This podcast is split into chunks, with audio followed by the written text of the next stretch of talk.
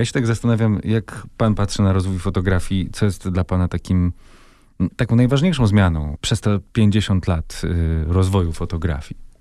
Jest y, zmiana, y, która polega na tym, że jest o wiele więcej wolności w tej fotografii. Tak zwanego podejścia sam, samego technicznego, prawda? Kiedyś za moich czasów młodości w zasadzie była fotografia czarno-biała i barwna i y, błędem było pokazanie zdjęcia nieostro- nieostrego albo poruszonego. A pan zawsze One takie błędy były- lubił robić.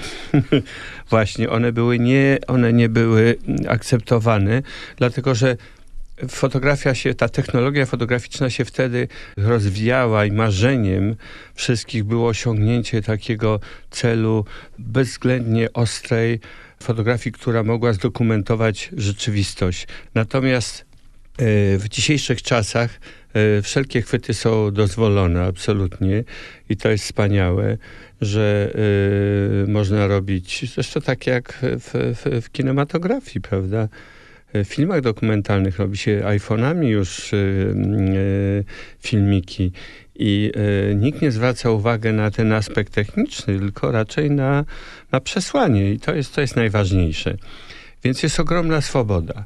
Możemy robić czym, czym, czym chcemy, każde narzędzie jest dobre, oby tylko spełniało warunki, które doprowadzą do zrealizowania naszej koncepcji, pomysłu, który mamy w głowie. No bo zarówno fotografia, jak i literatura i, i wszystko, co tworzymy, powstaje w głowie, a nie e, poprzez narzędzia. Oczywiście ta zdolność manualna jest niesłychanie ważna potem, ale wpierw trzeba sobie to wszystko wymyślić i korzystając potem już z warsztatu, nad którym się pracuje całe życie, zrealizować ten pomysł.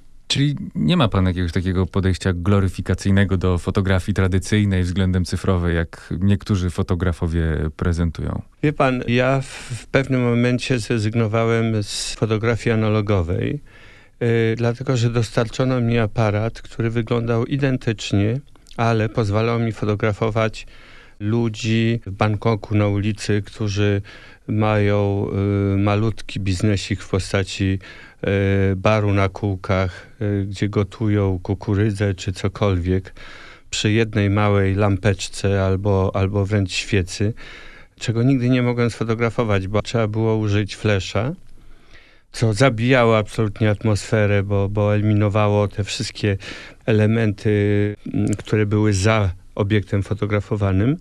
No więc właśnie, więc to mi dało taką możliwość i pomyślałem sobie, że przecież to jest dokładnie to samo, ten sam aparat, te same obiektywy, bo to był akurat Nikon, tak?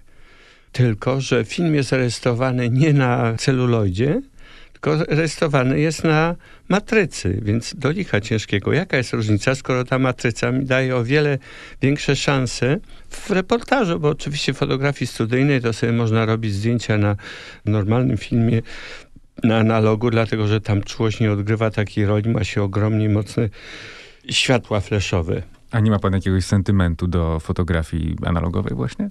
Nie mam sentymentu, dlatego że e, wiele razy przeklinałem e, fotografię analogową, zwłaszcza w momentach, kiedy wykonałem bardzo ważną pracę i okazało się, że w laboratorium, bo nikt nie wołał ręcznie diapozytywów, oznajmiano mi, jak przychodziłem po odbiór, że moje wszystkie filmy spadły z wieszaka i nie istnieją już. No.